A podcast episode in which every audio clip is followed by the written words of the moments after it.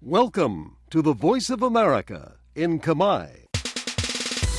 Direct from Washington, the Voice of America, VOA. សួស្តីប្រិយមិត្តអ្នកស្ដាប់ជាទីមេត្រីនៅក្នុងកម្មវិធីផ្សាយតាមវិទ្យុរបស់ VOA នៅរាត្រីថ្ងៃពុធទី28ខែកុម្ភៈឆ្នាំ2024នេះ ខ្ញុំហុងចិន្តានិងសហការីនៃក្រុមផ្សាយជាខេមរៈភាសាសូមស្វាគមន៍ប្រិយមិត្តពីរដ្ឋធានី Washington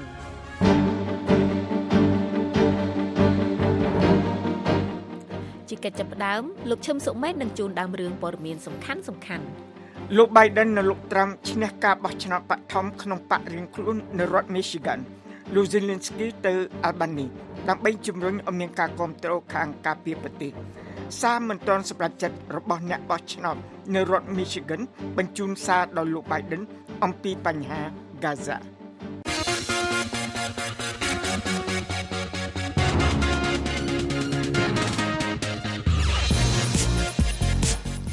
នៅក្នុងការផ្សាយរបស់ VOA នៅរាត្រីនេះយើងខ្ញុំមានសេចក្តីរាយការណ៍អំពីសាឡាវធរតម្កល់សាលក្រមកាត់ទោសលោកថៃសិដ្ឋាចំពោះការរិះគន់ប្រវត្តិបកកណ្ដាលអំណាច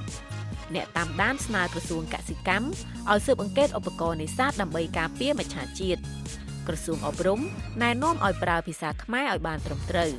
និងសេចក្តីរាយការណ៍អំពីមន្ត្រីក្រសួងហិរញ្ញវត្ថុអាមេរិកបារម្ភអំពីខាប់ការផលិតទំនិញចិនច្រើនលើសសេចក្តីត្រូវការលើទីផ្សារ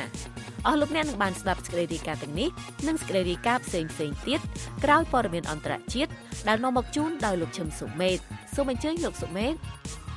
អរគុណប្រធានាធិបតីសហរដ្ឋអាមេរិកលោក Joe Biden និងអតីតប្រធានាធិបតីសហរដ្ឋអាមេរិកលោក Donald Trump បានឈ្នះការបោះឆ្នោតបឋមក្នុងគណៈបករៀងៗខ្លួននៅក្នុងរដ្ឋ Michigan កាលពីថ្ងៃអង្គារ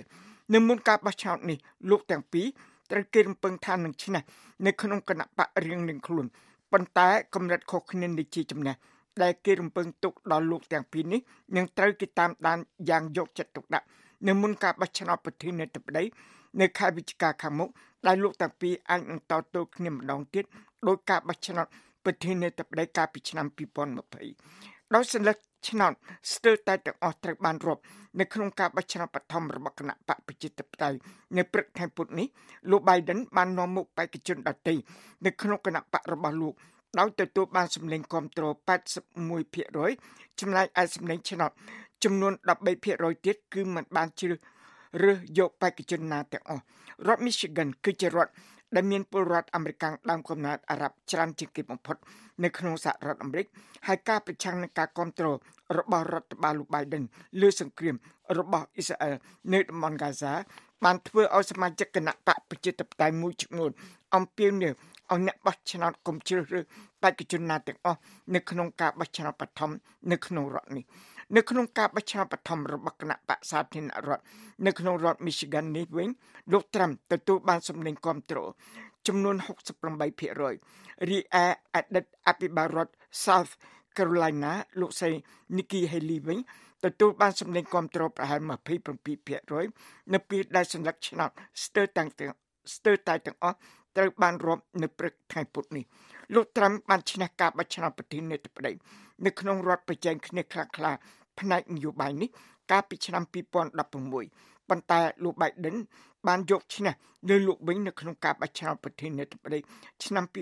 2020ដោយធ្វើឲ្យលោកត្រាំចាញ់ការបោះឆ្នោតប្រធានាធិបតីនៅអាណត្តិទី2នៅពេលនោះលោកស្រី Haley នៅតែបន្តប្រកួតប្រជែងក្នុងការបោះឆ្នោតបឋមនេះទោះបីជាលោកស្រីមិនបានឈ្នះការបោះឆ្នោតបឋមនៅក្នុងរដ្ឋណាមួយ កន្លងមកក៏ដោយលោកស្រីបានអះអាងថាពលរដ្ឋអាមេរិកមិនចង់ឃើញលោក Biden និងលោក Trump តទល់គ្នាម្ដងទៀតទេ នៅក្នុងការបោះឆ្នោតប្រធានាធិបតីនៅខែវិច្ឆិកាខាងមុខនេះទេហើយប្រសិនបើរឿងនេះកើតឡើងមែនលោក Trump នឹងចាញ់លោក Biden ជាលើកទី2 លោកស្រី Haley បាននិយាយថាលោកស្រីនឹងបន្តប្រកួតប្រជែងយ៉ាងហោចណាស់ក៏ដល់ការបោះឆ្នោតបឋមក្នុងរដ្ឋជាច្រើនក្នុងថ្ងៃតែមួយដែលហៅថា Super Tuesday នៅថ្ងៃទី5ខែមីនាខាងមុខនេះដែលដែលនៅពេលនោះការបោះឆ្នោតនេះនឹងធ្វើឡើងនៅក្នុងរដ្ឋចំនួន15និងដែនដីអាមេរិកចំនួន2ហើយមានប្រតិភូចំនួន1ភាគ3នៃប្រតិភូសរុបរបស់គណៈបកសាធារណរដ្ឋ voice of America. VOA. ប្រធានាធិបតីអ៊ុក្រែនលោក Volodymyr Zelensky ស្ថិតនៅក្នុងប្រទេសអាល់បានីដើម្បីប្រជុំនៅថ្ងៃពុធនេះជាមួយពួកមេដឹកនាំតំបន់នៅពេលលោកស្វាស្វែងឲ្យមានការគ្រប់គ្រងដល់ការប្រយុទ្ធរបស់ប្រទេសលោកប្រឆាំងនឹងការលុកលុយរបស់រុស្ស៊ីលោក Zelensky បានថ្លែងថា លោកនឹងពិភាក្សាអំពីកិច្ចសហការខាងការការពារប្រទេសនិងខាងនយោបាយ ព្រមទាំងផែនការសន្តិភាពរបស់អ៊ុយក្រែនជាមួយនាយករដ្ឋមន្ត្រីអាល់បានីលោកអ៊ីឌីរ៉ាម៉ារដ្ឋមន្ត្រីការបរទេសអាល់បានីលោកអ៊ីកលីហាសានីបានសម្ដែងការគ្រប់គ្រងពេញទំហឹងរបស់រដ្ឋាភិបាលលោកដល់ការប្រឹងប្រែងស្វែងរកសន្តិភាពរបស់អ៊ុយក្រែននិងការបដិញ្ញាដើម្បីជួយដល់ការប្រឹងប្រែងកសាងជាថ្មីនៅអ៊ុយក្រែនយុទ្ធអ៊ុយក្រែនបាននិយាយនៅថ្ងៃពុធនេះថាការវាយប្រហាររបស់រុស្ស៊ីនៅតែមានបន្តកាលពីយប់មិញ ដោយប្រើដ្រូន10គ្រឿងនិងមីស៊ីលនាំផ្លូវមួយចំនួនកងទ័ពអាកាសអ៊ុយក្រែនបានរាយការណ៍ថាខ្លួនបានបំផ្លាញដ្រូនទាំង10គ្រឿងនោះហើយដោយបាញ់ស្ទាក់នៅលើតំបន់អូឌីសានិងមីកូលេវ Direct from Washington, the voice of America. VOA. ស្របពេលក្រុមអ្នកចរចាជំរុញឲ្យមានកិច្ចព្រមព្រៀងលើ បទឈប់បាញ់គ្នាបណ្ដោះអាសន្នដែលនឹងផ្អាកសង្គ្រាមនៅតំបន់ហ្គាហ្សាមុនពេលខែតមអាហាររ៉ាម៉ាដន ដែលជាខែដ៏ពិសិដ្ឋរបស់អ្នកកាន់សាសនាអ៊ីស្លាមចូលមកដល់នៅខែមីនាខាងមុខអ្នកបោះឆ្នោតនៅរដ្ឋ Michigan សហរដ្ឋអាមេរិកបានបញ្ចេញកំហឹងលើការគ្រប់គ្រងរបស់ប្រធានាធិបតីអាមេរិកលោក Joe Biden លើយុទ្ធនាការវាយប្រហាររបស់អ៊ីស្រាអែលដែលបានសម្លាប់ពលរដ្ឋប៉ាឡេស្ទីនជិត30,000នាក់គិតត្រឹមថ្ងៃពុធនេះលទ្ធផលបានបង្ហាញថា អ្នកបោះឆ្នោតបឋមខាងគណៈបកប្រជាធិបតេយ្យចំនួន13%នៅក្នុងរដ្ឋ Michigan ដែលជារដ្ឋមានការប្រជែងខ្លាំងក្លា និងជារដ្ឋដែលមានពលរដ្ឋអាមេរិកដើមកំណើតអារ៉ាប់ជាច្រើនមិនបានបោះឆ្នោតឲ្យបេក្ខជនណាទាំងអស់ដែលនេះជាផ្នែកមួយនៃយុទ្ធនាការស្ដាប់រដ្ឋ Michigan Listen to Michigan ដើម្បីដាក់សម្ពាធឲ្យលោក Biden ឲ្យគ្រប់គ្រងបទឈប់បាញ់អចិន្ត្រៃយ៍មួយនៅតំបន់ហ្គាហ្សា កាលពីថ្ងៃច័ន្ទលោក Biden បាននិយាយថាលោកសង្ឃឹមថានៅត្រឹមថ្ងៃទី4ខែមីនាខាងមុខនឹងមានកិច្ចព្រមព្រៀងមួយលើបទឈប់បាញ់បណ្ដោះអាសន្ននៅតំបន់ហ្គាហ្សានិងមានការដោះលែងជនជាតិប៉ាឡេស្ទីនដែលជាប់ឃុំនៅក្នុងពន្ធនាគាររបស់អ៊ីស្រាអែលជាថ្នូរនឹងការដោះលែងចំណាប់ខ្មាំងអ៊ីស្រាអែលដែលក្រុមហាម៉ាស់បានចាប់ឃុំនៅក្នុងការលើកឡើងដែលបានផ្សាយកាលពីថ្ងៃច័ន្ទនៅក្នុងកម្មវិធី Late Night with Seth Meyers របស់ទូរទស្សន៍ NBC លោក Biden បានបង្ហាញថាអ៊ីស្រាអែលបានយល់ព្រមផ្អាកការប្រយុទ្ធនៅក្នុងតំបន់ហ្គាហ្សាសម្រាប់ខែតមអាហាររ៉ាម៉ាដនដែលត្រូវគេរំពឹងថានឹងចាប់ផ្ដើមនៅថ្ងៃទី10ខែមីនាខាងមុខដំណោះស្រាយចំពោះរឿងនេះគឺសំខាន់សម្រាប់លោក Biden នៅក្នុងការបន្ធូរបន្ថយកំហឹងរបស់សញ្ញារបស់សមាជិកគណៈបកប្រជាធិបតេយ្យមួយចំនួនដែលរន្ធត់ ដោយចំនួនមនុស្សស្លាប់នៅក្នុងតំបន់ហ្គាហ្សាប៉ុន្តែការពិធីអង្គាអ៊ីស្រាអែលនិងក្រុមហាម៉ាស់ក៏ដូចជាអ្នកសម្របសម្រួលមកពីប្រទេសកាតាផងដែរបានបង្ហាញការប្រុងប្រយ័ត្នចំពោះសុតិធិនិយមរបស់លោក Biden នេះ The voice of America. VOA. ប្រទេសអ៊ីស្រាអែលបានបញ្ជាក់នៅថ្ងៃពុធនេះថា ខ្លួនបានវាយប្រហារតាមអាកាសសម្ដៅលើទីតាំងសពាវុធរបស់ក្រុម Hezbollah នៅភូមិខាងត្បូងនៃប្រទេសលីបង់និងថាខ្លួនបានបាញ់ទម្លាក់រ៉ុកកែតជាច្រើនគ្រាប់ដែលបាញ់ចេញពីលីបង់សម្ដៅមកអ៊ីស្រាអែលយុទ្ធអ៊ីស្រាអែលក៏បានរាយការណ៍ផងដែរថាក៏បានរាយការណ៍ផងដែរអំពីការវាយប្រហារតាមអាកាសថ្មីថ្មីៗលើតំបន់ទីក្រុង Khan Yunis នៅភូមិខាងត្បូងតំបន់ Gaza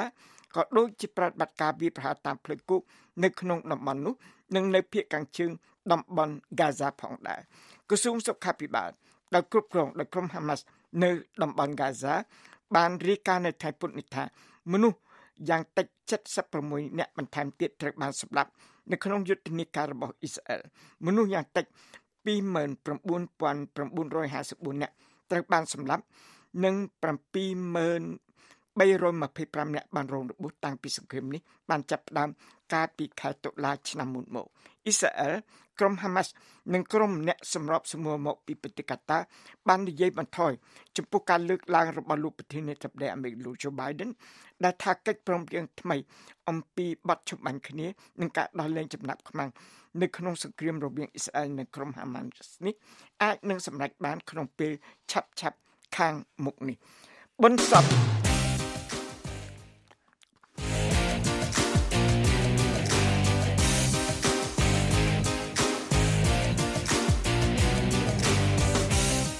អស់លោកអ្នកនាងជាទីមេត្រីនៅក្នុងការផ្សាយជាបន្តបន្ទាប់ទៅនេះលោកអ្នកនឹងបានស្ដាប់សេចក្តីរាយការណ៍អំពីសាឡាវធរតម្កល់សាលក្រមកាត់ទោសលោកថៃសិដ្ឋាចំពោះការរិះគន់ប្រវត្តិបកកណ្ដាលអំណាចអ្នកតាមដានស្នើក្រសួងកសិកម្មឲ្យស៊ើបអង្កេតឧបករណ៍នេសាទដើម្បីការពារមច្ឆជាតិក្រសួងអប់រំណែនាំឲ្យប្រើភាសាខ្មែរឲ្យបានត្រឹមត្រូវនិងសេចក្តីរាយការណ៍អំពីមន្ត្រីក្រសួងហិរញ្ញវត្ថុអាមេរិកបារម្ភអំពីការផលិតទំនិញចិន ច្រើនលើសសេចក្តីត្រូវការលើទីផ្សារហើយនៅក្នុងការផ្សាយរបស់យើងខ្ញុំរយៈពេល30នាទីចុងក្រោយយើងខ្ញុំមានសេចក្តីរាយការណ៍អំពីសិស្សវិទ្យាល័យរដ្ឋ Iowa ធ្វើទស្សនកិច្ចទៅប្រទេសចិនក្រោមការអញ្ជើញរបស់លោកស៊ីជីនពីងធនាគារពិភពលោកជំរុញឲ្យកម្ពុជា បង្កើនការចំណាយលើសេវាសង្គមដើម្បីលើកកម្ពស់វិស័យអប់រំនិងសុខាភិបាលនិងសេចក្តីរាយការណ៍អំពីកម្មវិធីព័ត៌មានអវកាសខាងនេះស្ដីអំពី50ឆ្នាំក្រោយមក អាមេរិកចុះចតលើប្រចាំជាលើកដំបូងដោយប្រើយានអវកាសឯកជន។។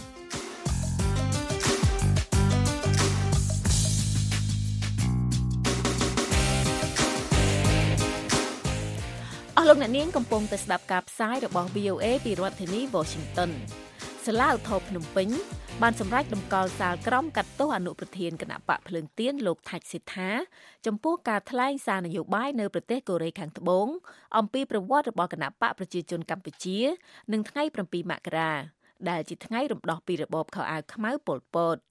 មន្ត្រីសិទ្ធិមនុស្សយល់ថាការសម្រេចរបស់តុលាការលើក្តីក្តាំមានចរិតនយោបាយនិងបង្កឲ្យមានការរិះគន់ពីបណ្ដាប្រទេសកាន់លទ្ធិប្រជាធិបតេយ្យ លោកហូរ៉ាស្មីរីកាលំអិតឲ្យ VOA ពីរាជធានីភ្នំពេញដូចតទៅសាលាឧទ្ធរភ្នំពេញកាលពីថ្ងៃអង្គារបានសម្រេចតម្កល់ការកាត់ទោសរបស់សាលាដំបងលើអនុប្រធានគណៈបកភ្លើងទៀនលោកថៃសេថាពីបទញុះញង់បង្កឲ្យមានភាពវឹកវរធ្ងន់ធ្ងរដល់សន្តិសុខសង្គមនិងញុះញង់ឲ្យមានការរើសអើងចំពោះការថ្លែងសារនយោបាយពាក់ព័ន្ធនឹងថ្ងៃ7មករានិងការបង្កើតគណៈបកប្រជាជនកម្ពុជា នេះបើតាមមេធាវីការពីក្តីរបស់លោកថៃសិដ្ឋាលោកថៃសិដ្ឋាអាយុ70ឆ្នាំជាអ្នកនយោបាយដែលមានដើមកំណើតខ្មែរក្រោមនិងជាប្រធានសហគមន៍ខ្មែរកម្ពុជាក្រោមលោកក៏ជាអតីតសមាជិកប្រសិទ្ធិមកពីគណៈបកសំរងស៊ីផងដែរមេធាវីការពីក្តីលោកថៃសិដ្ឋាគឺលោកជុងជូងងីប្រាប់ VOA នៅថ្ងៃពុធនេះថាការសម្រេចរបស់សាឡាវធរកាលពីម្សិលមិញគឺយោងទៅតាមការ អត្ថាធិប្បាយរបស់កូនក្តីលោកអំពីថ្ងៃ7មករានិងការបង្កើតគណៈបកប្រជាជនកម្ពុជាដែលកូនក្តីលោកថាជាការថ្លែងក្នុងន័យផ្សះផ្សាជាតិមិនមែនក្នុងន័យឲ្យមានការញុះញង់និងការរើសអើងនោះទេគាត់ថាអយុត្តិធម៌សម្រាប់គាត់គាត់អត់មានបំណងញុះញង់អីផងហ្នឹងគាត់មានបំណងចង់ឲ្យមានការផ្សះផ្សាជាតិខ្លាចជាតិបែកបាក់កាលពីខែតុលាឆ្នាំ2023លោកថៃសិដ្ឋាត្រូវបានសាលាដំបងរាជធានីភ្នំពេញ ផ្ដន្ទាទោសដាក់ពន្ធនាគារចំនួន3ឆ្នាំនិងពិន័យជាប្រាក់4លានរៀលប្រហែល1000ដុល្លារអាមេរិកលោកត្រូវបានកាត់ទោសដោយផ្អែកលើព្រឹត្តិការណ៍នៅពេលលោកថ្លែងសារទៅកាន់អ្នកគាំទ្រអតីតគណៈបកសង្គ្រោះជាតិអំឡុងពេលទស្សនកិច្ចនៅប្រទេសកូរ៉េខាងត្បូងនេះបើតាមអង្គការការពារសិទ្ធិមនុស្សលីកាដូនាយកទទួលបន្ទុកកិច្ចការទូតទៅអង្គការសិទ្ធិមនុស្សលីកាដូលោកអំសំអាតថ្លែងថាតុលាការសាលាឧទ្ធរ លើកយកពីសារនយោបាយរបស់លោកថៃសិដ្ឋាដែលបានថ្លែងនៅប្រទេសកូរ៉េខាងត្បូងអំពីប្រវត្តិនៃការបង្កើតគណៈបកប្រជាជនកម្ពុជានៅថ្ងៃ7មករាមករក្សាទុកសាលដីការបស់សាលាដំបងរាជធានីភ្នំពេញ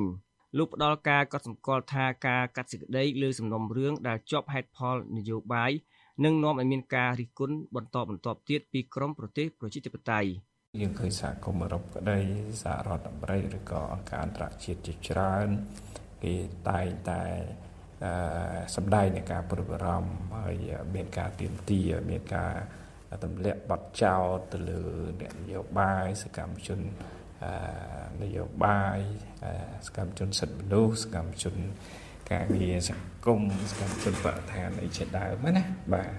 គេថាអឺដើម្បីពង្រឹងឡើងវិញនៅ ការគោរពសិទ្ធិមនុស្សនិងលទ្ធិប្រជាធិបតេយ្យជាដើមអញ្ចឹងករណីទាំងអស់នេះខ្ញុំមើល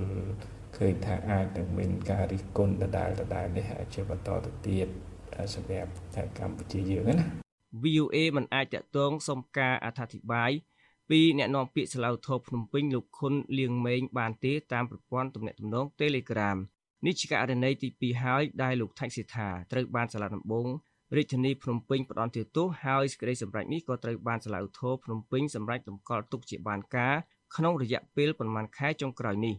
នេះបើតាមសេចក្តីប្រកាសព័ត៌មានរបស់អង្គការការពារសិទ្ធិមនុស្សលីកាដូដែលបានចេញផ្សាយកាលពីថ្ងៃអង្គារសេចក្តីប្រកាសព័ត៌មានដដែលឲ្យដឹងទៀតថាកាលពីខែមករាឆ្នាំ2024សាលាឧទ្ធរភ្នំពេញ បានបង្កល់សេចក្តីសម្រេចរបស់សាលាដំបងរាជធានីភ្នំពេញដែលបានរកឃើញថាលោកសេដ្ឋាមានពិរុទ្ធលើបទចោទមិនបំពេញកាតព្វកិច្ចចំពោះឧបករណ៍ដែលអាចជួញដូរបានហើយបានសម្រេចផ្ដន្ទាទោសលោកដោយដាក់ពន្ធនាគារកំណត់ចំនួន18ខែពីនៃជាប្រាក់ចូលថវិការដ្ឋនិងផ្ដល់សំណងទៅដើមបណ្ដឹងក្នុងសំណុំរឿងចេញផ្សាយអត់ប្រាក់នេះលោកថៃសិដ្ឋាធ្លាប់ប្រាប់ចៅក្រមក្នុងអង្គសវនាការជំនុំជម្រះកន្លងមកថា លោកមិនធ្លាប់ចេញផ្សាយឲ្យដើមបណ្ដឹងរដ្ឋប្រវេណីគឺហាកបញ្ចាំរិនឆាយនោះទេតាំងពីឆ្នាំ2016មកតែលោកបែជាត្រូវបានចាប់ខ្លួនដោយគ្មានភស្តុតាងគ្រប់គ្រាន់រហូតត្រូវផ្ដន់ទោសទាំងអយុត្តិធម៌នេះបើតាមលោកសឿនជំជួនមេធាវីការពីក្តីម្នាក់ទៀតរបស់លោកថៃសិដ្ឋាបើតាមអង្គការលីកាដូលោកថៃសិដ្ឋាបានជាប់ពន្ធនាគារអស់រយៈពេល407ថ្ងៃមកហើយក្នុងសំណុំរឿងចេញផ្សាយគ្មានប្រាក់នេះ លោកត្រូវបានដាក់ឲ្យស្ថិតក្នុងពន្ធនាគារគិតចាប់តាំងពីមានការចាប់ខ្លួនលោកកាលពីខែមករាឆ្នាំ2023រាយការណ៍ពីរាជធានីភ្នំពេញខ្ញុំហុលរស្មី VOA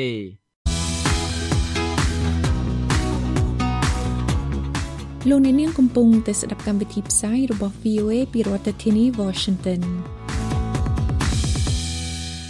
ក្រោយមានប្រតិកម្មពីមហាជន លើឧបករណ៍នេសាទមួយប្រភេទ មានរាងដូចព្រួញឬហៅថាលបលុកដែលត្រូវបានដាក់ពង្រាយយ៉ាងច្រើន នៅក្នុងឃុំផាត់សណ្ដាយស្រុកកំពង់ស្វាយខេត្តកំពង់ធំ ក្រសួងកសិកម្មបានអះអាងថាវាជាឧបករណ៍នេសាទស្របច្បាប់ តែប្រមានចាត់វិធានការចំពោះការដាក់លបលើសប្រវែងនិងខុសទំហំក្រឡាមងសង្គមស៊ីវិលស្នើឲ្យក្រសួងកសិកម្មស៊ើបអង្កេតឲ្យបានច្បាស់លាស់ពាក់ព័ន្ធនឹងឧបករណ៍នេសាទនេះ ដែលនាំឲ្យមានការបារម្ភថានឹងធ្វើឲ្យបាត់បង់ធនធានជលផល លោកលាស់លីបលីបរាយការណ៍លម្អិតឲ្យ VOA ពីរាជធានីភ្នំពេញដូចតទៅ។ រដ្ឋបាលជលផលអះអាងថាឧបករណ៍នេសាទដែលមានរាងព្រួញឬហៅថាលើបឡុកដែលកំពុងត្រូវបានប្រើប្រាស់ប្រងព្រាតលើផ្ទៃទឹកក្នុងឃុំផាត់សណ្ដាយខេត្តកំពង់ធំជាឧបករណ៍ស្របច្បាប់តែប្រមានចាត់វិធានការចំពោះការដាក់លើបលើសប្រវែងនិងខុសទំហំក្រឡាមើងទន្ទឹមនឹងការអះអាងរបស់រដ្ឋបាលជលផលសង្គមស៊ីវិលក៏ស្នើក្រសួងកសិកម្មស៊ើបអង្កេតឲ្យបានច្បាស់លាស់ពាក់ព័ន្ធនឹងឧបករណ៍នេសាទរាងព្រួញដែលអ្នកប្រើប្រាស់បណ្ដាញសង្គមចែកចាយតៗគ្នាភ្ជាប់នឹងការបារម្ភថាអាចបណ្ដាលឲ្យបាត់បង់ធនធានមិច្ឆាជាតិក្នុងសេចក្តីប្រកាសព័ត៌មានរបស់រដ្ឋបាលជលផលនៃក្រសួងកសិកម្មចេញនៅថ្ងៃទី27ខែកុម្ភៈឆ្នាំ2024បញ្ជាក់ថាឧបករណ៍របាំងលើបទាំងនោះជាឧបករណ៍នេសាទស្របច្បាប់ហើយថាទីតាំងនោះជាផ្នែកតូចមួយនៃបឹងទន្លេសាបដែលមានឈ្មោះថាកន្លុកបាយក្អែកសេចក្តីប្រកាសព័ត៌មាននោះបានថែមតាមន័យដើមថាកន្លុកបាយក្អែកនៅក្នុងឃុំផាត់សណ្ដាយស្រុកកំពង់ស្វាយខេត្តកំពង់ធំមិនមែនស្ថិតលើផ្ទៃបឹងទន្លេសាបឬច្រកផ្លូវដែលត្រីឆ្លងកាត់ឡើយកញ្ញាអឹមរចនាអ្នកនាំពាក្យក្រសួងកសិកម្មប្រាប់ VOA នៅថ្ងៃពុធនេះថាប្រជានេសាទនៃបឹងទន្លេសាបតែងតែប្រើប្រាស់ឧបករណ៍ដែលមានរាងដូចព្រួញនោះសម្រាប់នេសាទដើម្បីទ្រទ្រង់ជីវភាពប្រចាំថ្ងៃកញ្ញាអឹមរចនាប្រាប់ VOA ជាអសរតាមបណ្ដាញទំនាក់ទំនង Telegram នៅថ្ងៃពុធនេះថានេះជាឧបករណ៍នេសាទស្របច្បាប់ដោយកំណត់ប្រវែងនិងក្រឡាមើងតែប្រជានេសាទមួយចំនួនដាក់លើសប្រវែងនិងប្រើប្រាស់ក្រឡាមើងទៅជាងអ្វីដែលមានកំណត់ក្នុងច្បាប់អ្នកនាំពាក្យក្រសួងកសិកម្មរូបនេះបន្ថែមថាមន្ត្រីជំនាញដែលប្រចាំការនៅបឹងទន្លេសាបក្នុងភូមិសាស្ត្រខេត្តទាំង5នឹងចាត់វិធានការបង្ក្រាបទាក់ទងនឹងការដាក់លើបលើសប្រវែងនិងខុសទំហំក្រឡាមើងទាំងនោះ VOA មិនអាចសុំការអធិប្បាយពីលោកងួនរតនាអភិបាលខេត្តកំពង់ធំបាននៅឡើយទេលោកហេងកំហុងប្រធានប្រតិបត្តិនៃសមាគមបណ្ដាញយុវជនកម្ពុជាយល់ថារូបភាពឧបករណ៍នេសាទដែលមានរាងដូចព្រួញប្រទាក់ក្រឡាគ្នាស្អិចស្កេះលើផ្ទៃទឹកនោះធ្វើឲ្យមានការព្រួយបារម្ភខ្លាំងថាអាចបង្កផលប៉ះពាល់ដល់ធនធានមច្ឆាហាជាតិនិងនិរន្តរភាពធនធានមច្ឆជាតិក្នុងតំបន់នោះលោកស្នើក្រសួងកសិកម្មស៊ើបអង្កេតត្រួតពិនិត្យនិងរកមធ្យោបាយឬកំណត់ឲ្យច្បាស់នៅទំហំនិងវិសាលភាពចំពោះការប្រើប្រាស់ឧបករណ៍លើបការពង្រាយមងនិងការដាក់ពង្រាយស្បៃធ្វើយ៉ាងណាកុំឲ្យប៉ះពាល់និងរំខានដល់ការចល័តឬធ្វើដំណើររបស់មច្ឆជាតិលោកស្នើឲ្យមានការដាក់ទោសទៅលើបុគ្គលដែលប្រើប្រាស់ឧបករណ៍នេសាទខុសច្បាប់បណ្ដាលឲ្យប៉ះពាល់ដល់ធនធានធម្មជាតិនិងធនធានមច្ឆាដូច្នេះការស៊ើបអង្កេតការស្វែងយល់ឲ្យបានច្បាស់លាស់គឺជារឿងមួយដែលត្រូវធ្វើហើយការជំរុញឲ្យមានការអនុវត្តច្បាប់ដោយមើងមកជាទីបំផុតគឺត្រូវតែធ្វើដើម្បីធានានៅនិរន្តរភាពធនធានមច្ឆជាតិហើយនឹងធានាបានថាត្រីរបស់យើងនឹងនឹងមិនរងការបំផ្លិចបំផ្លាញបានលោកបន្ថែមថាកត្តាគម្រាមកំហែងដល់ធនធានមច្ឆជាតិជាច្រើនករណីទៀតជុំវិញផ្ទៃបឹងទន្លេសាបនោះមិនត្រឹមតែជាការដាក់ពង្រាយមងនោះទេគឺមានទាំងការនេសាទខុសច្បាប់ការប្រើម៉ូទ័រឆក់និងការទន្ទ្រានព្រៃលិចទឹកដែលទាមទារមានការយកចិត្តទុកដាក់និងទប់ស្កាត់បាទតាមក្រសួងកសិកម្មចាប់តាំងពីខែមិនិនាឆ្នាំ2022រហូតដល់ថ្ងៃទី26ខែកុម្ភៈឆ្នាំ2024គណៈកម្មការអន្តរក្រសួងបានទប់ស្កាត់និងបង្ក្រាបឧបករណ៍នេសាទខុសច្បាប់ក្នុងខេត្តចំនួន6ដែលជាប់បឹងទន្លេសាបដោយក្នុងនោះមានឧបករណ៍របាំងសាច់អួននិងស្បៃមុងប្រវែងជាង1លាន650,000ម៉ែត្រលើបនឹងលូចំនួនជាង15,000គ្រឿងឧបករណ៍ឆក់ក្តៅនិងឆក់ត្រជាក់ប្រមាណ1,500គ្រឿងអួនអូសទឹកសាបចំនួន53វងអួនហ៊ុនចំនួន33វងនិងឧបករណ៍ខុសច្បាប់មួយចំនួនទៀតរាយការណ៍ពីរាជធានីភ្នំពេញខ្ញុំតាស់លៀបលៀប VOA លោកអ្នកនាងកំពុងតែស្ដាប់កម្មវិធីផ្សាយជាខេមរៈភាសានៃ VOA ប្រពន្ធព័ត៌មានជាទីទុកចិត្តតាំងពីឆ្នាំ1955 ក្រសួងអប់រំនៅសនៅដើមសប្តាហ៍នេះបានចេញសេចក្តីណែនាំមួយអំពីការប្រើប្រាស់ភាសាខ្មែរដើម្បីលើកកម្ពស់ការប្រើប្រាស់សំណេរនិងអក្ខរាវិរុទ្ធភាសាខ្មែរនៅលើបណ្ដាញសង្គមនិងនៅតាមទីសាធារណៈសេចក្តីណែនាំនេះធ្វើឡើងក្រោយការសរសេរអក្ខរាវិរុទ្ធនិងវេយ្យាករណ៍ខ្មែរក្នុងចំណោមអ្នកប្រើប្រាស់បណ្ដាញសង្គមជាច្រើនត្រូវបានគេមើលឃើញថាខុសឆ្គងច្រើនកញ្ញាមាសដា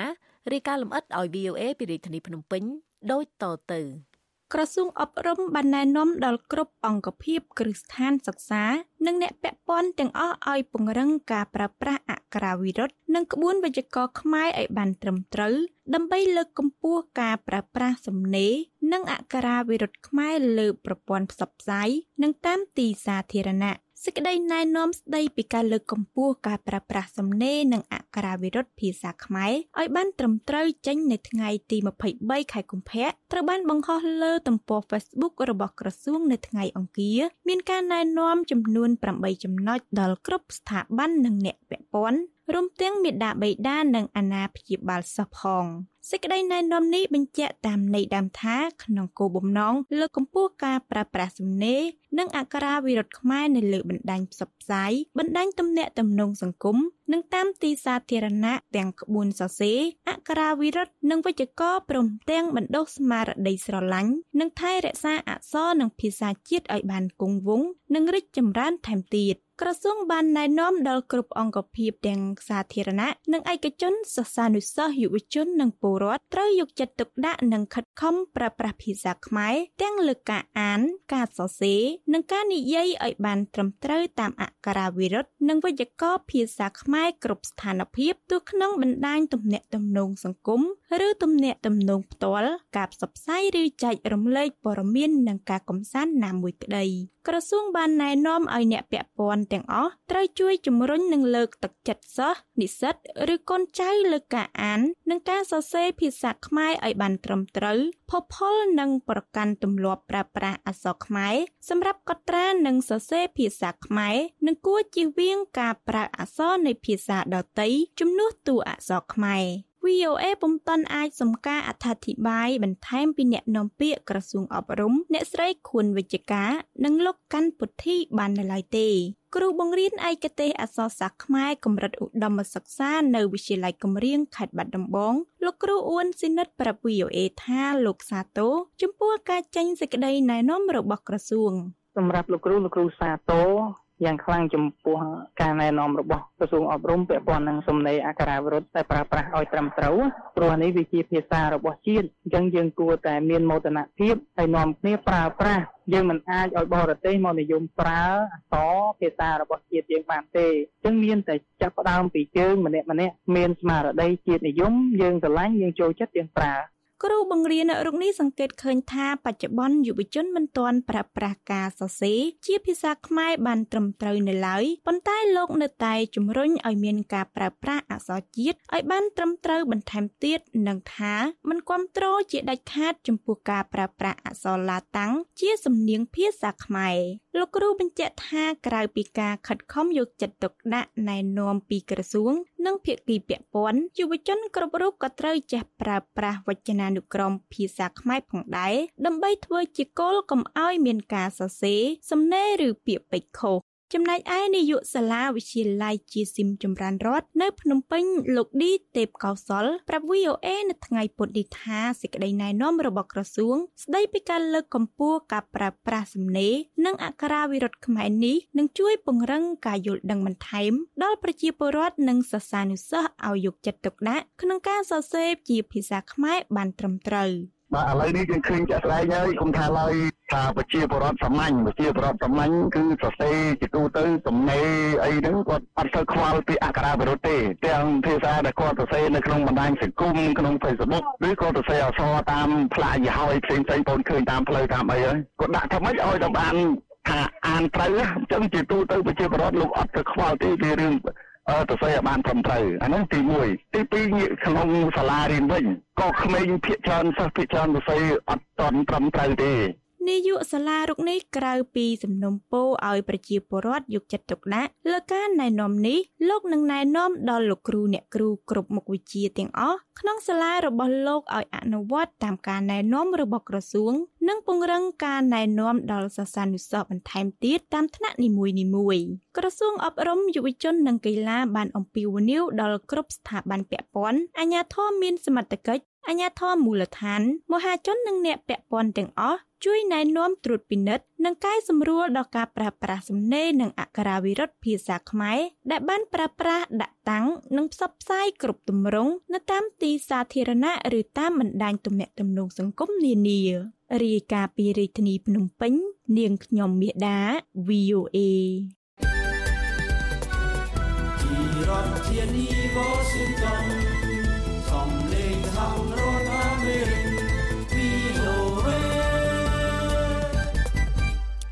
អនុរដ្ឋមន្ត្រីក្រសួងហិរញ្ញវត្ថុសហរដ្ឋអាមេរិកបានសម្ដែងការព្រួយបារម្ភអំពីផលប៉ះពាល់លើទីផ្សារអន្តរជាតិ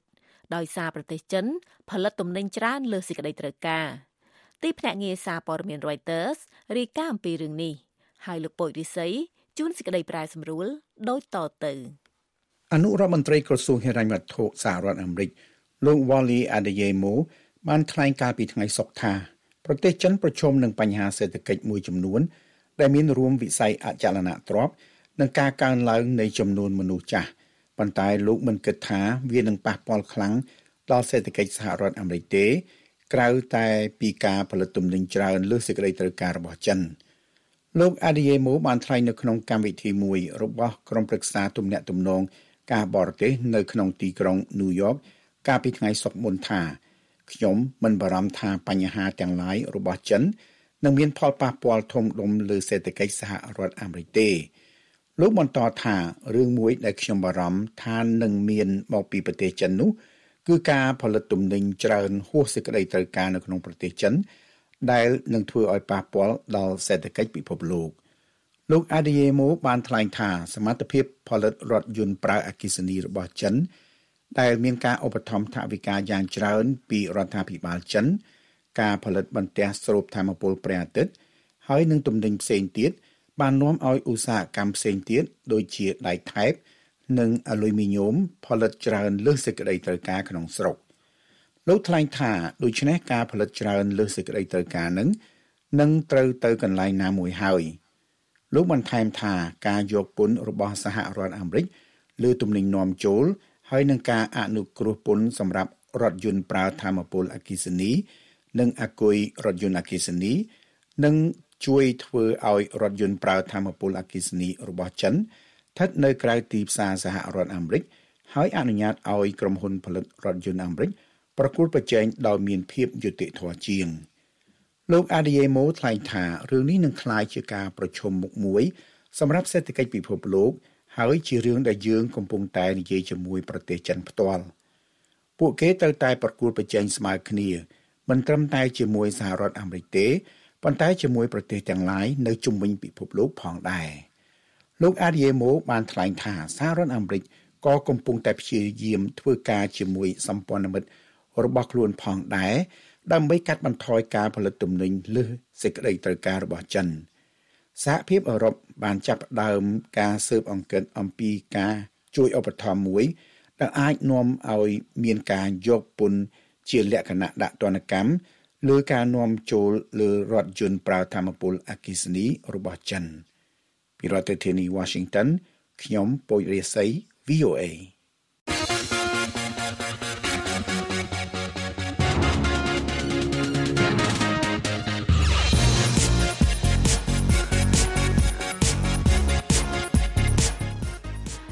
ក្នុងការផ្សាយរបស់ VOA រយៈពេល30នាទីចុងក្រោយនេះយើងខ្ញុំមានសេចក្តីរាយការណ៍អំពីសិស្សវិទ្យាល័យរដ្ឋ Iowa ធ្វើទស្សនកិច្ចទៅប្រទេសចិនក្រោមការអញ្ជើញរបស់លោកស៊ីជីនពីងធនាគារពិភពលោកជំរុញឲ្យកម្ពុជា បង្កើនការចំណាយលើសេវាសង្គមដើម្បីលើកកម្ពស់វិស័យអប់រំនិងសុខាភិបាល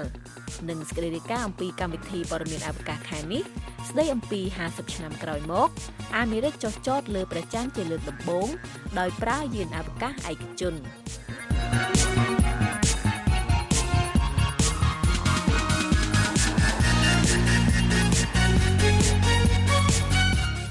ដំណើរទស្សនកិច្ចសិក្សាក្រោមការរ៉ាប់រងចំណាយទាំងស្រុងចំពោះសិស្សវិទ្យាល័យមកពីទីក្រុង Muscatine រដ្ឋ Iowa សហរដ្ឋអាមេរិកគឺជាការចាប់ផ្ដើមនៃកិច្ចប្រឹងប្រែងរបស់មេដឹកនាំចិនលោកស៊ីជីនពីងនៅក្នុងការស្វាគមន៍សិស្សមកពីសហរដ្ឋអាមេរិកចំនួនរហូតដល់ទៅ50000នាក់ទៅកាន់ប្រទេសចិនលោក Kane Ferrebo រាយការណ៍អំពីរឿងនេះពីទីក្រុង Muscatine ដោយពិនិត្យមើលអំពីទំនាក់ទំនងផ្នែកប្រវត្តិសាស្ត្ររបស់ទីក្រុងនេះជាមួយនឹងលោកស៊ី ហើយលោកភីសភេដា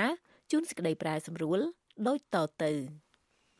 យុវជន Colos សិស្សវិទ្យាល័យក្រុង Muscatine រដ្ឋ Iowa មិនធ្លាប់ធ្វើដំណើរចេញពីសហរដ្ឋអាមេរិកនោះទេ នៅពេលត្រូវបានសួរកាលពីខែមករាថាតើអ្នកចង់ទៅប្រទេសចិនទេ Los ឆ្លើយថាខ្ញុំមានសំណាងហើយខ្ញុំមានលិខិតឆ្លងដែនរួចហើយការអញ្ជើញនេះមិនត្រូវរងចាំយូរនោះទេ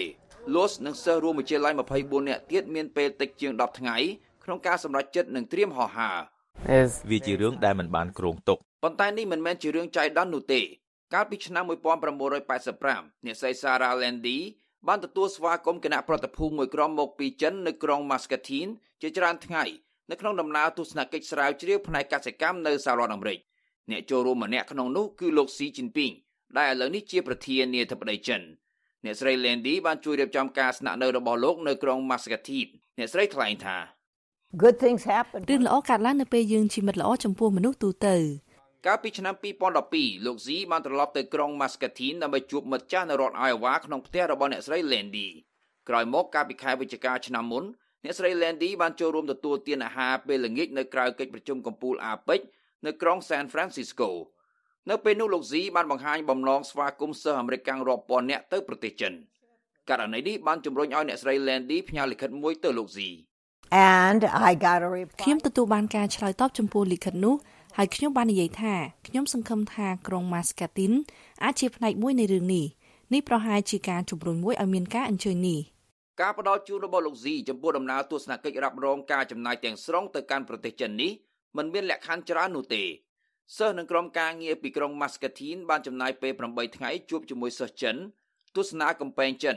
និងកន្លែងទេសចរផ្សេងទៀត និងបានចូលរួមក្នុងសន្និសីទមួយសម្រាប់សិស្សរៀនភាសាចិនកុកងឺយុវជនលូសថាខ្លួនមិនឃើញមានសញ្ញានៃភាពតានតឹងណាមួយរវាងចិននិងសហរដ្ឋអាមេរិកនោះទេ You felt very special អ្នកមានអារម្មណ៍ថាពិសេសណាស់នៅទីនោះអ្នកស្រី Hedy Guo គ្រូបង្រៀនភាសាចិនកុកងឺនៃវិទ្យាល័យ Muscatine ថ្លែងថា Actually I'm ខ្ញុំពិតជាមានមោទនភាពចំពោះពួកគេខ្លាំងណាស់ពួកគេហាក់ដូចជារីកចម្រើនយ៉ាងលឿននៅក្នុងពេលតែ2 3ថ្ងៃប៉ុណ្ណោះ អ្នកស្រី Hedy Guo ដែលមានដើមកំណើតមកពីកោះតៃវ៉ាន់នេះបានអមដំណើរសិស្សទៅកាន់ប្រទេសចិនអ្នកស្រីសង្ឃឹមថានៅក្នុងចំណោមមេរៀនដែលពួកគេបានរៀនមេរៀនមួយនឹងលេចធ្លោជាងគេ The world ពិភពលោកគឺធំណាស់មិនមែនមានតែយើងនៅទីនេះនោះទេអ្នកស្រី Anne Atkin គ្រូបង្រៀននៅវិទ្យាល័យ Muscatine និយាយថា That is នោះពិតជាអស្ចារ្យណាស់អ្នកស្រី Anne Atkin ធំនឹងក្តីនៅក្រុង Muscatine ឥឡូវនេះអ្នកស្រីបង្រៀននៅវិទ្យាល័យ Muscatine និងជាសមាជិកម្នាក់ក្នុងក្រុមការងារ4នាក់ដែលបានធ្វើដំណើរទៅប្រទេសចិនទំនាក់ទំនងរវាងសហគមន៍អ្នកស្រីនិងមេដឹកនាំចិនគឺស្មុគស្មាញប៉ុន្តែមានលក្ខណៈស្វាគមន៍អ្នកស្រីថ្លែងថា The fact that he came here that's cool ការដែលលោកស៊ីមកទីនេះគឺអស្ចារ្យណាស់ប៉ុន្តែការមានទំនាក់ទំនងបន្តទៅមុខគឺជាអ្វីដែលធ្វើឲ្យវាពិសេសខុសប្លែកពីគេស្របពេលសិស្សកាន់តែច្រើនត្រៀមធ្វើដំណើរទស្សនកិច្ចទៅចិន គោលដៅបន្ទាប់របស់អ្នកស្រី Landy គឺជំរុញលោកស៊ីឲ្យវិលត្រឡប់មកក្រុង Muscatine ដែលអ្នកស្រីគិតថាជារឿងល្អបំផុតសម្រាប់កិច្ចប្រជុំកំពូលនាពេលអនាគតជាមួយប្រធានាធិបតីអាមេរិកលោក Joe Biden ក្រុង Muscatine នឹងស្វាគមន៍រឿងនេះកន្លែងធ្វើកិច្ចប្រជុំនោះអាចជាផ្ទះនៅក្រុង Muscatine ដែលលោកស៊ីបានស្នាក់នៅកាលពីឆ្នាំ1985ដែលឥឡូវនេះត្រូវបានរក្សាទុកជាសារមន្ទីរដែលភាគច្រើនអ្នកទេសចរចិនបានមកទស្សនាពីរដ្ឋធានី Washington ខ្ញុំភីសុភាដា VOA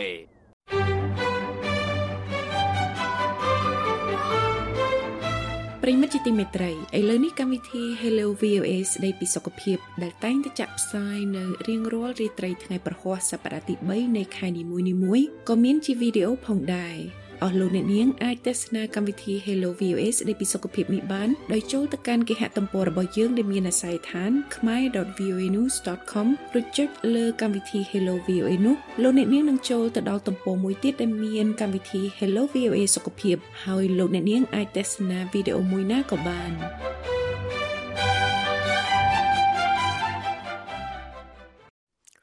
របាយការណ៍ថ្មីរបស់ធនាគារពិភពលោកបានរកឃើញថា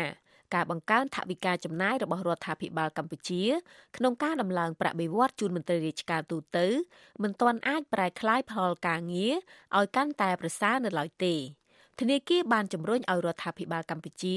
ផ្ដោតសំខាន់លើការចំណាយក្នុងសេវាសាធារណៈនិងវិស័យសង្គមគិច្ចឲ្យមានប្រសិទ្ធភាពជាងមុនដើម្បីលើកកម្ពស់វិស័យអប់រំនិងវិស័យសុខាភិបាលអ្នកនាំពាក្យរដ្ឋាភិបាលកម្ពុជាអះអាងថា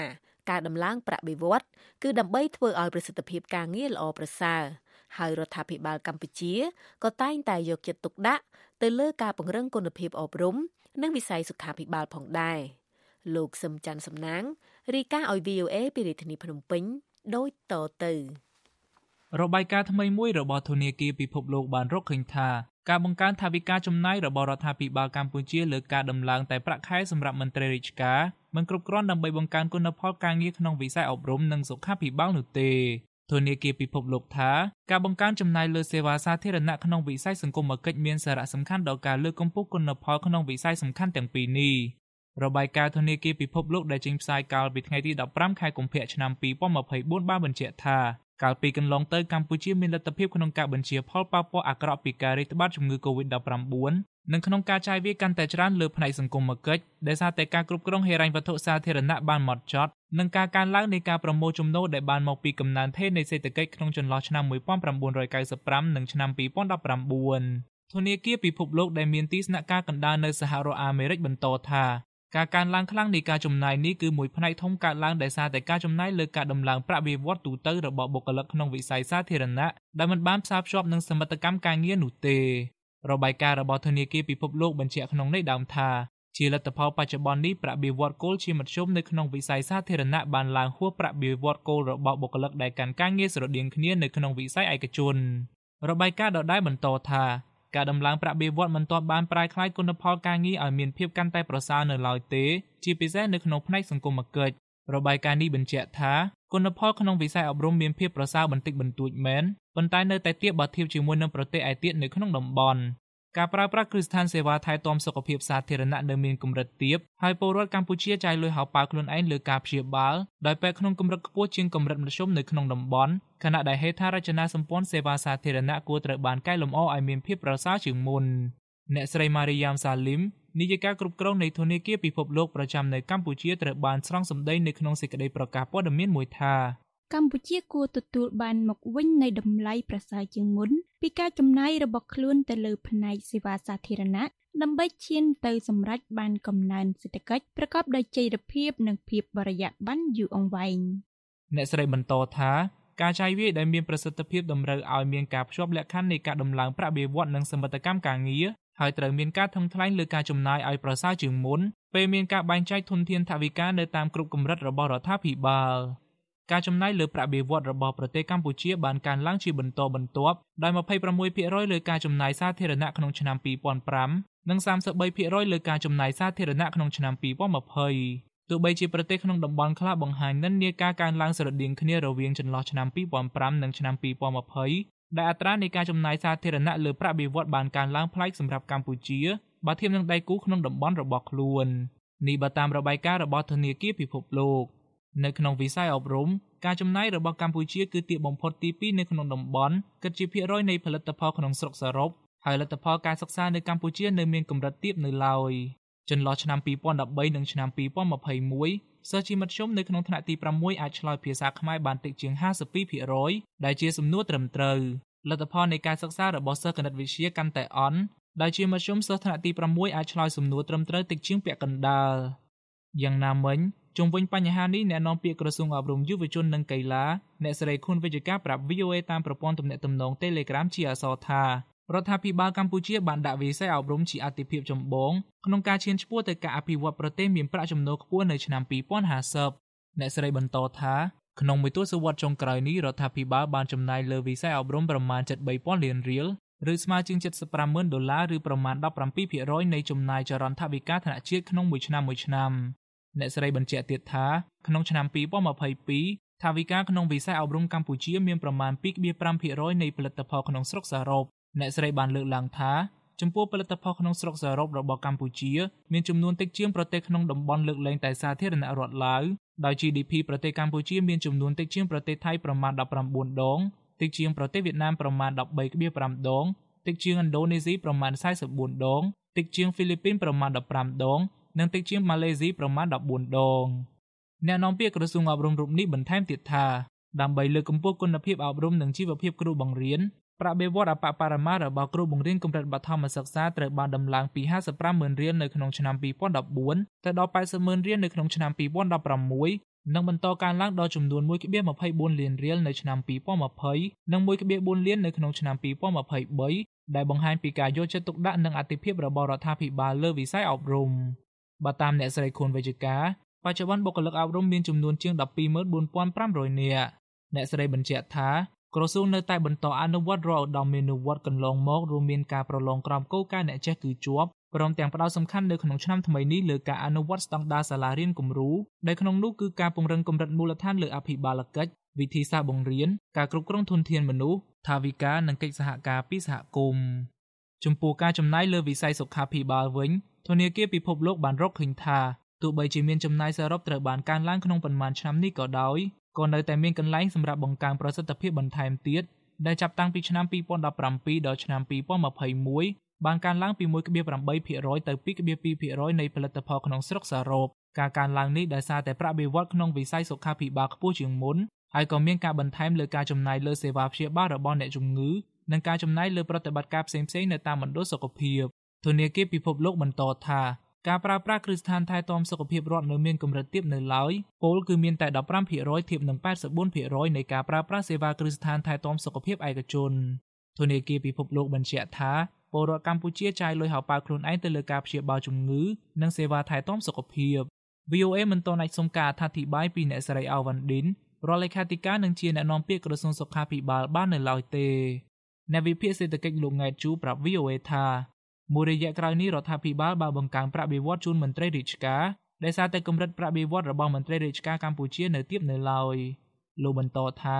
ការបង្កើនថវិកាចំណាយនានាគឺរដ្ឋាភិបាលតែងតែធ្វើតាមដំណាក់កាលដែលពឹងផ្អែកលើចំណូលជាតិនិងធ្វើកម្ចីមួយចំនួនផងដែរ តាក់ទងជាមួយនឹងកម្រិតបៀវត្សដែលបានដំឡើងជាបន្តបន្ទាប់សង្ឃឹមថារដ្ឋាភិបាលនឹងនៅបន្តផ្ដល់អធិភាពនៅក្នុងការដំឡើងកម្រិតបៀវត្សជូនរាជការដើម្បីបង្កើនប្រសិទ្ធភាពការងារខ្ញុំក៏ចង់សូមបញ្ជាក់ដែរថាការបង្កើនប្រាក់បៀវត្សតែមួយមុខក៏មិនអាចបង្កើនប្រសិទ្ធភាពការងារដែរប៉ុន្តែក៏ជាការចាំបាច់ត្រូវមានវិធានការផ្សេងផ្សេងទៀតបាទដូចជាការគ្រប់គ្រងបុគ្គលិក និងរបស់រដ្ឋនឹងឲ្យមានភាពត្រឹមត្រូវមានតម្លាភាពអីជាដើមបាទលោកបញ្ជាក់ទៀតថាដើម្បីពង្រឹងលើការប្រើប្រាស់សេវាសាធារណៈឲ្យកាន់តែមានប្រសិទ្ធភាពលុះត្រាតែផ្ដោតសំខាន់លើការបម្រើសេវាកម្មជូនប្រជាពលរដ្ឋឲ្យបានត្រឹមត្រូវក៏ដូចជាការពិនិត្យលើការបំពេញការងារនិងការទទួលខុសត្រូវរបស់មន្ត្រីរាជការម្នាក់ៗពេលបំពេញតួនាទីរបស់ខ្លួនលោកហុងវណ្ណៈអ្នកជំនាញសេដ្ឋកិច្ចនៃវិទ្យាស្ថានទំនាក់ទំនងអន្តរជាតិនៃរាជបណ្ឌិតសភាកម្ពុជាយល់ឃើញថា ការដំឡើងប្រាក់បៀវត្សជូនមន្ត្រីរាជការមិនបានធ្វើឲ្យរាំងស្ទះវិស័យណាមួយឡើយនៅក្នុងប្រទេសដោយឡែកលោកថាបើនិយាយពីបញ្ហាសេដ្ឋកិច្ចគឺដោយសារតែការកើនឡើងនៃអតិផរណាដែលជាបន្ទុកមួយសម្រាប់មន្ត្រីរាជការដូច្នេះការបន្ថែមប្រាក់បៀវត្សជូនមន្ត្រីរាជការគឺដើម្បីសម្រួលបន្ទុកនោះនិងរួមចំណែកធ្វើឲ្យចរន្តសេដ្ឋកិច្ចក្នុងសង្គមដំណើរការជាធម្មតាអញ្ចឹងទាំងអស់នោះបើយើងវិភាគទៅលើទស្សនវិជ្ជាសេដ្ឋកិច្ចខ្ញុំយល់ឃើញថាល្អវិញទេបាទដោយសាររដ្ឋាភិបាលយើងបាន បង្កើនណាដោយយល់ឃើញពីសភាពការដោយយល់ឃើញពីកិច្ចសន្យារវាងរាជរដ្ឋាភិបាលជាមួយនឹងមន្ត្រីរាជការហ្នឹងគឺការផ្ដល់អដេញថវិកាឬក៏ការបង្កើននៅប្រាក់បៀវត្សជូនមន្ត្រីរាជការជាសកម្មភាពមួយល្អដែលជំរុញឲ្យមានសកម្មភាពសេដ្ឋកិច្ចសង្គមកាន់តែច្រើនឡើងផងដែរអ្នកជំនាញសេដ្ឋកិច្ចរូបនេះបន្តថាបើទោះបីជាមានការដំឡើងប្រាក់បៀវត្សជូនបុគ្គលិករដ្ឋក្តី ក៏វាមិនបានធ្វើឲ្យមានផលប៉ះពាល់ដល់វិស័យអប់រំវិស័យសុខាភិបាលនិងវិស័យដទៃទៀតឡើយដោយសារតែតាមក្រសួងនីមួយៗតែងតែមានកញ្ចប់ថវិកានិងគម្រោងនៅតាមឆ្នាំនីមួយៗជាក់លាក់រាជរដ្ឋាភិបាលកម្ពុជាគៀងគោគេថាគ្រប់គ្រងចំណូលរបស់ខ្លួនចំណាយរបស់ខ្លួនបានប្រកបវិជ្ជាគឺច្បាស់លាស់ណាស់ក្នុងការចំណាយហើយនឹងការផ្ដល់គេថាអនុសាសន៍ល្អៗដល់ទៅ ស្ថាប័នសាធារណៈដតីដតីទៀតនឹងក្នុងការផ្ដល់សេវាជូនបងប្អូនប្រជាពលរដ្ឋក៏ដូចជាការអភិវឌ្ឍសេវាសង្គមផ្សេងផ្សេងរួមទាំងការចេះសន្សំចៃទៅលើថវិកាជាតិដែលទៅលើខ្ទង់ណាដែលមិនចាំបាច់ឆ្លើយតបទៅនឹងរបាយការណ៍របស់ធនាគារពិភពលោកអ្នកនាំពាក្យរដ្ឋាភិបាលលោកប៉ែនបូណាលើកឡើងថាការដំឡើងប្រាក់បៀវត្សជូនមន្ត្រីរាជការជាការគិតគូរត្រឹមត្រូវមួយរបស់រដ្ឋាភិបាល ដែលសារតែកន្លងទៅមានការរិះគន់ថារដ្ឋាភិបាលបានផ្ដល់ប្រាក់បៀវត្សតិចតួចទៅដល់មន្ត្រីរាជការទើបមិនសូវមានប្រសិទ្ធភាពការងារលោកបន្តថាប្រជាពលរដ្ឋបច្ចុប្បន្ននេះបានផ្ដល់តម្លៃលើការងារមន្ត្រីរាជការហើយរដ្ឋាភិបាលក៏បានយកចិត្តទុកដាក់លើការផ្ដល់ប្រាក់បៀវត្សសមរម្យជូនពួកគេផងដែរលោកប៉ែនបូណាអះអាងថារដ្ឋាភិបាលក៏បានផ្ដោតសំខាន់លើវិស័យអប់រំនិងសុខាភិបាលផងដែរ ហើយតកតងទៅនឹងវិស័យអប់រំនិងវិស័យសុខាភិបាលយើងឃើញហើយ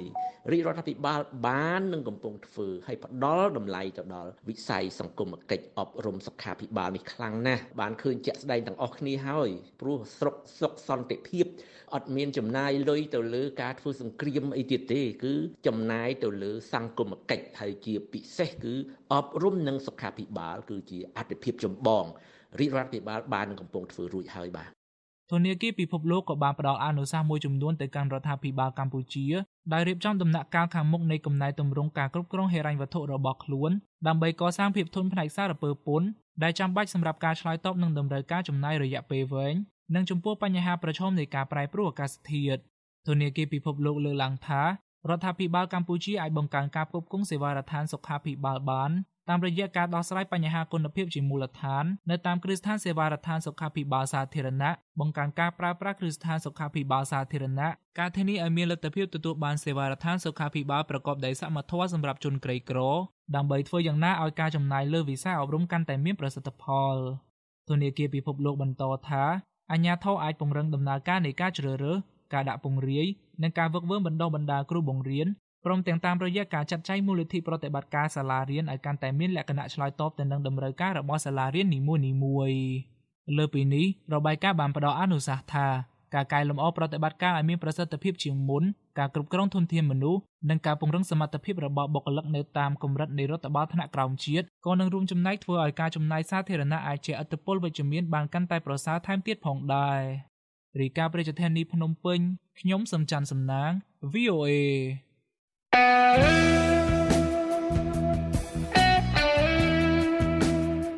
ួស្តីអស់លោកអ្នកនាងជាទីមេត្រីលោកអ្នកនាងអាចតាមដានព័ត៌មានទាន់ហេតុការណ៍និងថ្មីថ្មីពី VOA តាមរយៈបណ្ដាញសង្គម X ដែលពីមុនហៅថា Twitter VOA នាំមកជូនលោកអ្នកនៅព័ត៌មានសំខាន់សំខាន់ដែលអាចទុកចិត្តបានអំពីប្រទេសកម្ពុជា និងអំពីប្រទេសផ្សេងផ្សេងក្នុងពិភពលោកសូមលោកអ្នកនាងចូលទៅកាន់អាស យដ្ឋាន x.com/voa ខ្មែររួចចុចពាក្យ follow សូមអរគុណ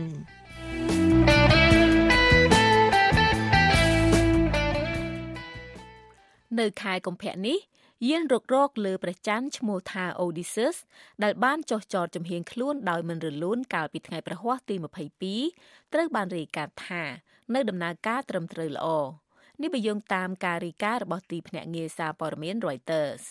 យាន Odysseus នេះជាយានអវកាសឯកជនដំបូងគេ ដែលបានទៅដល់ផ្ទៃព្រះច័ន្ទហើយវាក៏តំណាងឲ្យការចុះចតលើព្រះច័ន្ទលើកដំបូងនៃយានអវកាសរបស់សហរដ្ឋអាមេរិកចាប់តាំងពីឆ្នាំ1972មកផងដែរលោកចាប់ចត្រានៃ VOA ជួនសេចក្តីប្រាយសម្រួល នៅក្នុងកម្មវិធីព័ត៌មានអវកាសខែនេះពីរដ្ឋធានី Washington ដូចតទៅ IM1 Odysseus Lunar Lander separation confirmed សម្រាប់ព័ត៌មានអវកាសក្នុងខែកុម្ភៈនេះ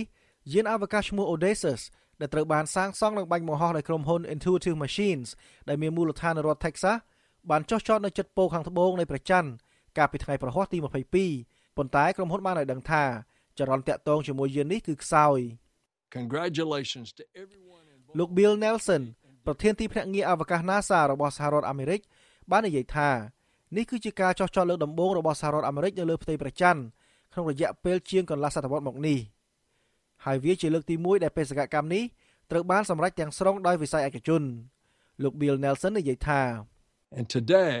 is a day that shows the power and promise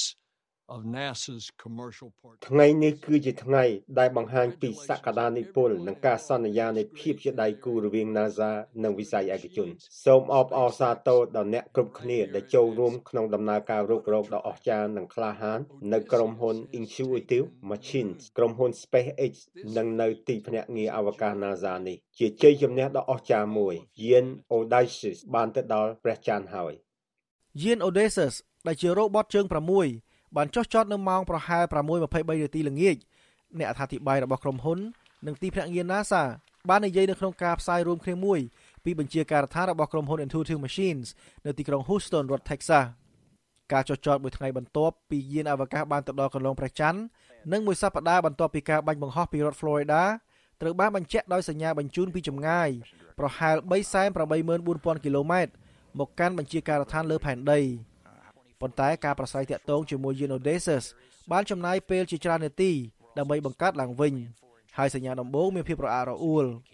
ការនេះបានធ្វើឲ្យអ្នកគ្រប់គ្រងបេសកកម្មមិនដឹងច្បាស់ពីស្ថានភាពនិងទីតាំងច្បាស់លាស់របស់យានចុះចតយាន Odysseus មិនត្រូវបានរចនាឡើងដើម្បីថតនិងផ្សាយវីដេអូបន្តផ្ទាល់នៃព្រឹត្តិការណ៍ចុះចតនោះទេលោក Joel Kearns អ្នកគ្រប់គ្រងរងផ្នែករុករករបស់ទីភ្នាក់ងារអវកាស NASA បាននិយាយថា បេសកកម្មនេះកំណត់គោលដៅចុះចតនៅពោខាងត្បូងនៃព្រះច័ន្ទព្រោះទីនោះអាចមានទឹកកកនៅក្រោមផ្ទៃដីក្នុងកន្លែងដែលគ្មានពន្លឺព្រះអាទិត្យរាប់រយលានឬរាប់ពាន់លានឆ្នាំមកហើយលោក Joel Kearns និយាយថា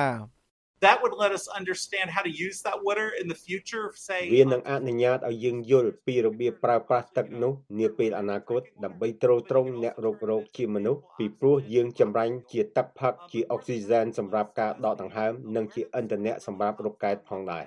យាន Odysseus ដែលកំណត់គោលដៅចុះជិតរណ្ដៅ Malapert A ក្បែរពោខាងត្បូងរបស់ព្រះច័ន្ទផ្ទុកឧបករណ៍វិទ្យាសាស្ត្រនិងដំណើរការសាកបច្ចេកវិទ្យាសម្រាប់ទីភ្នាក់ងារ NASA ដែលត្រូវបានរចនាឡើងសម្រាប់ប្រតិបត្តិការរយៈពេល7ថ្ងៃដោយប្រើថាមពលពន្លឺព្រះអាទិត្យមុនពេលព្រះអាទិត្យលិចនៅទីតាំងចុះចតនៅតំបន់ប៉ូលនោះឧបករណ៍របស់ទីភ្នាក់ងារ NASA នឹងផ្ដោតលើការប្រមូលទិន្នន័យអន្តរកម្មអាកាសធាតុក្នុងលំហអវកាសជាមួយនឹងផ្ទៃព្រះច័ន្ទវិទ្យុតារាសាស្ត្រ និងផ្នែកផ្សេងទៀតនៃបរិយាកាសរបស់ព្រះច័ន្ទដើម្បីត្រៀមសម្រាប់យានចុះចតនាពេលអនាគតនិងការវិលត្រឡប់របស់អវកាសយានិករបស់ទីភ្នាក់ងារ NASA ដែលគ្រោងនឹងត្រឡប់ទៅព្រះច័ន្ទវិញនៅក្នុងទសវត្សរ៍នេះការចុះចតរបស់យានរករក Odysseus កាលពីថ្ងៃប្រហ័សនេះតំណាងឲ្យការហោះចុះទៅកាន់ផ្ទៃព្រះច័ន្ទលើកទី1ដោយយានអវកាសអាមេរិក1ចាប់តាំងពីយានអវកាស Apollo 17ក្នុងឆ្នាំ1972ពេលដែលបេសកកម្មព្រះច័ន្ទចុងក្រោយរបស់ទីភ្នាក់ងារ NASA បាននាំអវកាសយានិកលោក Gene Cernan និងលោក Harrison Smith ទៅដល់ផ្ទៃព្រះច័ន្ទពីរដ្ឋធានី Washington ខ្ញុំចាប់ចត្រា VOA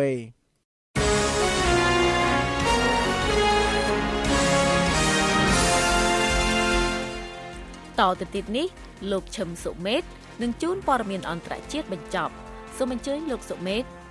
អរគុណ បនសពរបស់មេដឹកនាំបកប្រឆាំងរុស្ស៊ីលោកអាឡិចសេណាម៉ានីដែលបានស្លាប់នៅដើមខែនេះនៅក្នុងគុកនៃតំបន់ដាច់ស្រយាលនៃសមុទ្រទឹកកកអាទិកនឹងធ្វើឡើងនៅថ្ងៃសុក្រសប្តាហ៍នេះនៅក្នុងទីក្រុងមូស្គូបន្ទាប់ពីទីកន្លែងជាច្រើនបានបដិសេធមិនព្រមទទួលបម្រើសេវាពិធីបុណ្យសពនេះនេះបើតាមអ្នកនាំពាក្យរបស់លោកពិធីបុណ្យសពរបស់លោកនឹងត្រូវធ្វើឡើងនៅឯព្រះវិហារគ្រិស្តសាសនាមួយកន្លែងនៅស្រុក Mariano ភាគអាគ្នេយ៍ក្រុងម៉ូស្គូនៅថ្ងៃសុក្រពេលថ្ងៃត្រង់នេះបើតាមលោកសី Kira Kamish ដែលបាននិយាយនៅថ្ងៃពុធនេះការបញ្ចុះសពនេះនឹងធ្វើឡើងនៅកន្លែងបញ្ចុះសពមួយនៅក្បែរនោះលោកណាវ៉ានីដែលបានទទួលមរណភាពកាលពីពាក់កណ្ដាលខែកុម្ភៈនៅក្នុងគុកដល់ព្រីផ្សាយមួយកន្លែងនៅក្នុងប្រទេសរុស្ស៊ីអ្នក ពួកអាជ្ញាធរបាននិយាយថាមូលហេតុនៃការស្លាប់របស់លោកដែលមានអាយុ47ឆ្នាំរូបនេះនៅមិនទាន់ដឹងនៅឡើយទេហើយលទ្ធផលនៃការស៊ើបអង្កេតទំនងជានាំឲ្យមានចំណោទនៅបរទេសមានដឹកនាំលោកខាងលិចជាច្រើនអ្នក បាននិយាយរួចមកហើយថាពួកគេបានឲ្យប្រធានាធិបតីរុស្ស៊ី Vladimir Putin ទទួលខុសត្រូវចំពោះការស្លាប់នេះលោកស្រី Yamish បាននិយាយពីការពិបាករបស់ក្រុមលោកស្រីដែលបានជួបប្រទះនៅក្នុងការព្យាយាមស្វែងរកកន្លែងបញ្ចុះសពសម្រាប់លោកណាវ៉ានីសរសេរនៅលើបណ្ដាញសង្គម X លោកស្រី បាននិយាយថាទីកន្លែងបញ្ចុះសពភាគច្រើនបាននិយាយថាកន្លែងនោះត្រូវបានគេកក់ពេញអស់ហើយដោយមានកន្លែងខ្លះបានបដិសេធនៅពេលដែលយើងនិយាយឈ្មោះលោកណាវ៉ានីហើយគេប្រាប់ឲ្យដឹងថាទីភ្នាក់ងារមិនសពត្រូវបានត្រូវហាមឃាត់មិនឲ្យធ្វើការជាមួយយើងលោកអ៊ីបានស្ដានណូវ នាយកមូលនិធិប្រឆាំងនឹងអំពើពុករលួយរបស់លោកណាវ៉ានីបាននិយាយថាបន្សពការពីដំបូងបានគ្រូធ្វើនៅថ្ងៃប្រហោះស្អែកនេះដែលជាថ្ងៃនៃសន្ទរកថាប្រចាំឆ្នាំរបស់លោកពូទីនទៅកាន់សភាសហព័ន្ធរុស្ស៊ីប៉ុន្តែគ្មានទីកន្លែងណាយល់ព្រមឲ្យធ្វើពិធីបន្សពនោះទេលោក Zas Danov បាននិយាយនៅលើ Telegram ថាហេតុផលប្រកបប្រជាមានការបញ្ជាក់យ៉ាងច្បាស់រដ្ឋាភិបាលវិមានកម្លាំងយល់ថាគ្មាននរណានឹងត្រូវការលោកពូទីននិងសាររបស់លោក នៅថ្ងៃដែលយើងនិយាយលាលោក Alexei នោះទេ The Voice of America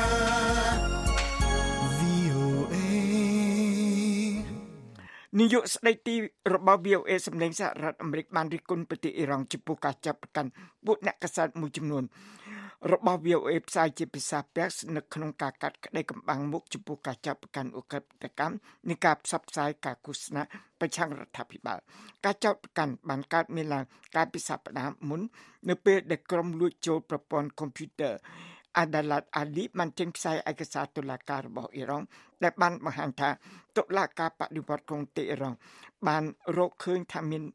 ទោសដល់អ្នកកាសែតពាក់រាប់សិបអ្នកមកពី VOA និងបណ្ដាញព័ត៌មានលោកខាងលិចនៅក្នុងការកាត់ទោសសម្ងាត់មួយនៅក្នុងសេចក្តីថ្លែងការណ៍ការពិធីអង្គារនាយកស្ដីទី VOA លោក John Lipman បាននិយាយថាសកម្មភាពទាំងនេះដោយប្រទេសអ៊ីរ៉ង់ជាប្រភព នៃរបបដែលមិនផ្ដល់តម្លៃដល់សិទ្ធិមនុស្សឬនីតិរដ្ឋ ពួកគេបានលាក់បាំងពីការប៉ុនប៉ងដើម្បីបញ្ឈប់លំហូរនៃព័ត៌មានសេរីចូលក្នុងប្រទេសអ៊ីរ៉ង់ការប៉ុនប៉ងទាំងនេះក៏ជាផុសតាំងនៃជោគជ័យរបស់ VOA ផ្សាយជាភាសាពាក់នៅក្នុងទូនីតិដ៏មានឥទ្ធិពលនៅក្នុងការរក្សាសិទ្ធិរបស់ស្ត្រីការនិយាយស្ដីដោយចំហនិងសារៈសំខាន់នៃរណសេរីសង្គមសេរីនៅក្នុងប្រទេសអ៊ីរ៉ង់ VOA គ្រប់គ្រងអ្នកកសែតនិងសេចក្តីរីការបស់ពួកគេ ទីភ្នាក់ងារសារព័ត៌មានបារាំង Agence France France Press រីកាថាបណ្ដាញសារព័ត៌មានរដ្ឋបាននិយាយថាប្រទេសអារ៉ាប៊ីសាអូឌីតបានប្រហារជីវិតមនុស្ស7នាក់ពីបទភេរវកម្មកាលពីថ្ងៃអង្គារដែលជាតួលេខច្រើនបំផុតក្នុងពេលតែមួយថ្ងៃតាំងពីមនុស្ស81នាក់ត្រូវបានប្រហារជីវិតកាលពីឆ្នាំ2022 តុលាការប្រឆាំងអំពើពុករលួយនៅក្នុងប្រទេសប៉ាគស្ថានបានចាប់ប្រកាន់អតីតនាយករដ្ឋមន្ត្រីប៉ាគស្ថានលោកអ៊ីមរ៉ាន់ខាន់ និងភរិយាលោកកាលពីថ្ងៃអង្គារថាបានទទួលយកដីធ្លីជាសំណូកនៅពេលលោកកាន់តំណែង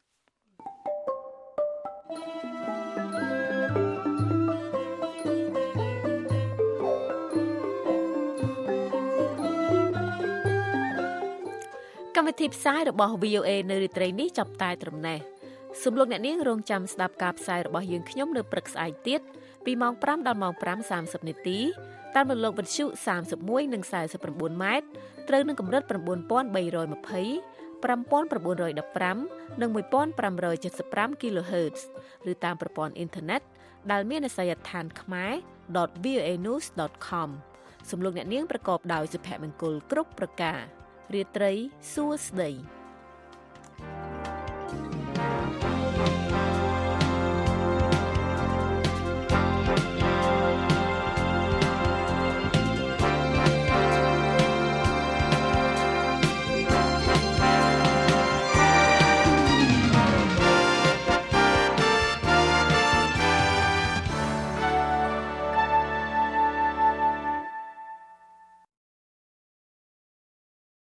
This program has come to you from the Voice of America, Washington.